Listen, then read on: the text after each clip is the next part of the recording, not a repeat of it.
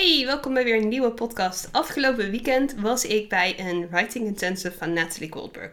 En als je mij al een tijdje volgt, dan heb je me misschien wel eens horen praten over haar. Natalie Goldberg is een Amerikaanse writer. Ze is uh, eigenlijk ondertussen al met pensioen. Maar haar best bekende boek is Writing Down the Bones, vertaald in het Nederlands als Schrijven vanuit je hart. En zij schrijft autobiografieën en zij zegt eigenlijk om goed te leren schrijven moet je zo dicht mogelijk bij jezelf blijven. Wat dus inhoudt dat zij heel erg voorstander en heel erg veel nou, teacht over writing practice. Nou, wat is nou writing practice? Writing practice is dat je een prompt krijgt over iets en je gaat eigenlijk gewoon schrijven zonder dat je je hand stopt. En dat zit een soort van verbonden met uh, uh, Morning Pages van Julia Cameron, van iedereen die misschien de Artist Way heeft gelezen. Dat is eigenlijk iets dat je pen en papier. Je schrijft gewoon in de ochtend gewoon drie pagina's gewoon helemaal los om eigenlijk alles kwijt te raken. Dat doe ik zelf ook al echt al jaren. Maar writing practice is uh, schrijven vanuit een prompt. Dus uh, nou, zij is Amerikaans, dus ik kreeg het meeste kreeg ik in Engels. Maar dat zijn dingen als uh, vertel over je eerste liefde. what's in front of your face? wat heb je tijdens je lunch gedaan? dat soort opdrachten krijg je dan. En dan moet je dan 10 minuten of een kwartier ga je dan daarover schrijven. En het brengt je heel dicht bij jezelf. Um, het haalt ook echt dingen boven waar je al een hele tijd misschien niet aan gedacht hebt.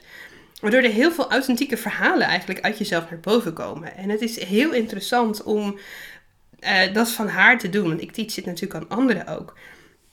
Maar wat ik heel interessant vond hier is dat ik, dit is de derde keer dat ik zoiets bij haar heb gedaan. Tegen, sinds corona doet ze het online, wat heel prettig is. Dat ik niet naar New Mexico in Amerika hoef. dat is, uh, heel, is heel prettig. Uh, daardoor maakt het het makkelijker om dat gewoon op, op vrijdag te doen. Maar het was, het was best intensief. Want vrijdag, zaterdag en zondag uh, zaten we in, in sessies.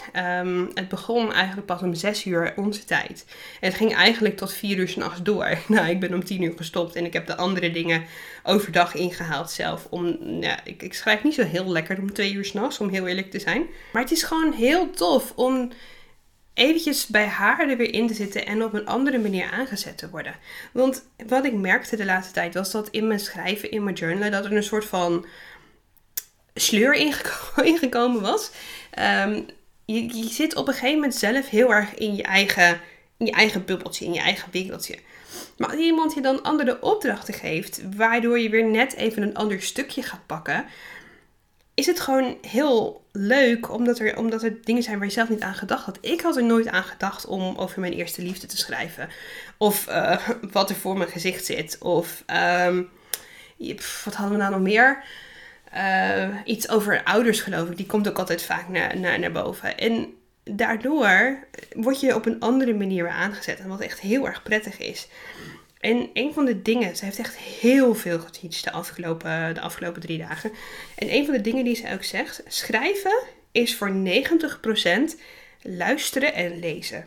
En dat is denk ik iets wat wij in content misschien nog te weinig zien en doen. Content is natuurlijk heel erg zo van, het moet uit jezelf komen en het moet jouw verhaal zijn. En dat is absoluut helemaal 100% waar. Maar wat zij zegt, doordat je heel veel luistert en leest, ga je ook een gevoel krijgen voor taal. Wordt dus ook je content daardoor beter, omdat je een bepaald um, ritme gaat kopiëren. Dus wat ik ook merkte is, op, op vrijdagavond, ik kon er gewoon niet echt lekker inkomen. Ik bleef maar eigenlijk in mijn eigen gedachtencirkeltje rondgaan. En ik bleef maar journalen. En het was, een soort, het was een soort van, ik kwam niet uit het journalstuk. Dus het bleef heel erg zo van, dit is stom, dit is stom, dit is er vandaag gebeurd. Daar bleef ik heel erg in hangen. Maar op een gegeven moment, na oefening 3 en zaterdag en zondag, ging het gewoon een heel stuk beter. Kwamen er andere verhalen naar boven, kwamen er meer details naar boven. Want wat zij ook bijvoorbeeld zegt, is dat schrijven is details. Je wil iemand echt meenemen, iemand echt een beeld geven. En een van de hele mooie dingen, wat ik echt het allermooiste vind aan de manier waarop zij schrijven aanvliegt, is dat zij zegt: Kijk, jij hebt een verhaal te vertellen. En het maakt niet uit hoe normaal of hoe, hoe gewoon het eigenlijk is. Het is interessant om te lezen, want jij hebt een recht om jouw verhaal te vertellen. En ze vertelde ook een verhaal over uh, de mensen in de Poolse ghetto. Waarin zij ook echt aangemoedigd werden om te gaan schrijven, om hun verhaal te vertellen. Dus wat ze aten, hoe hun dagen eruit zagen.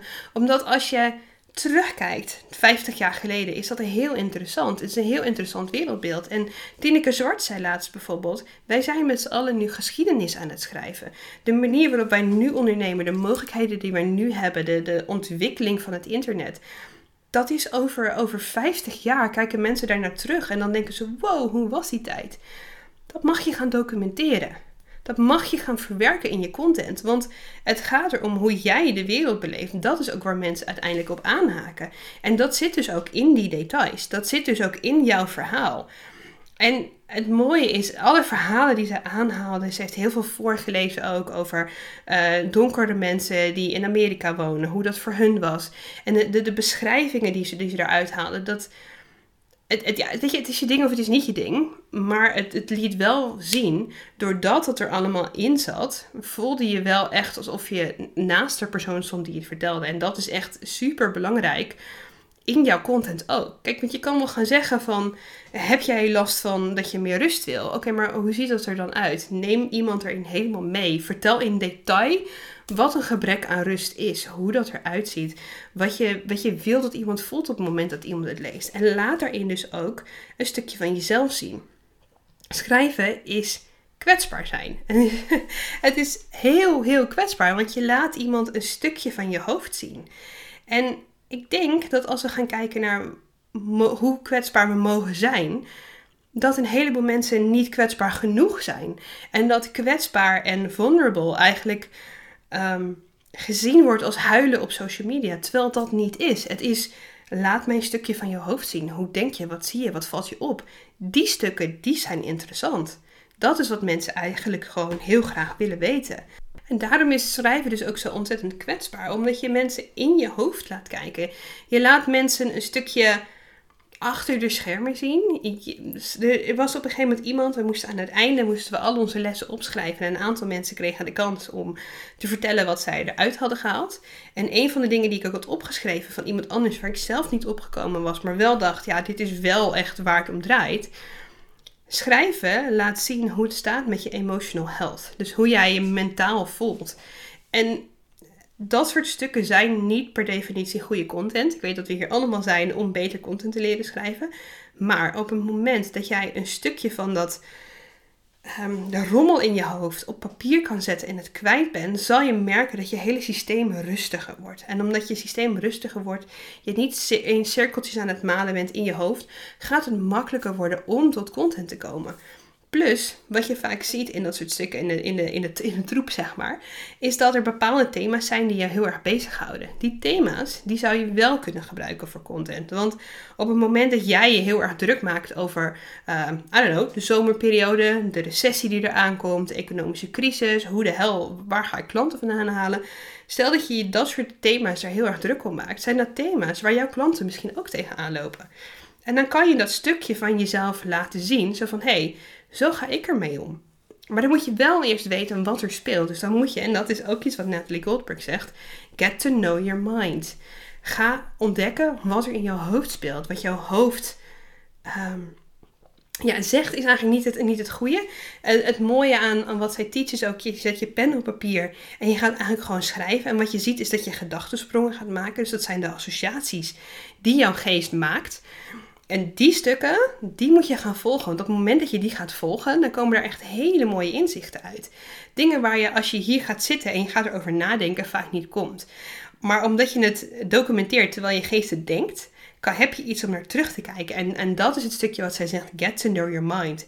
Kijk waar jouw geest steeds naartoe springt, welke associaties en links het legt. En ja, ik, ik, kan hier nog, ik kan hier nog uren over doorkletsen.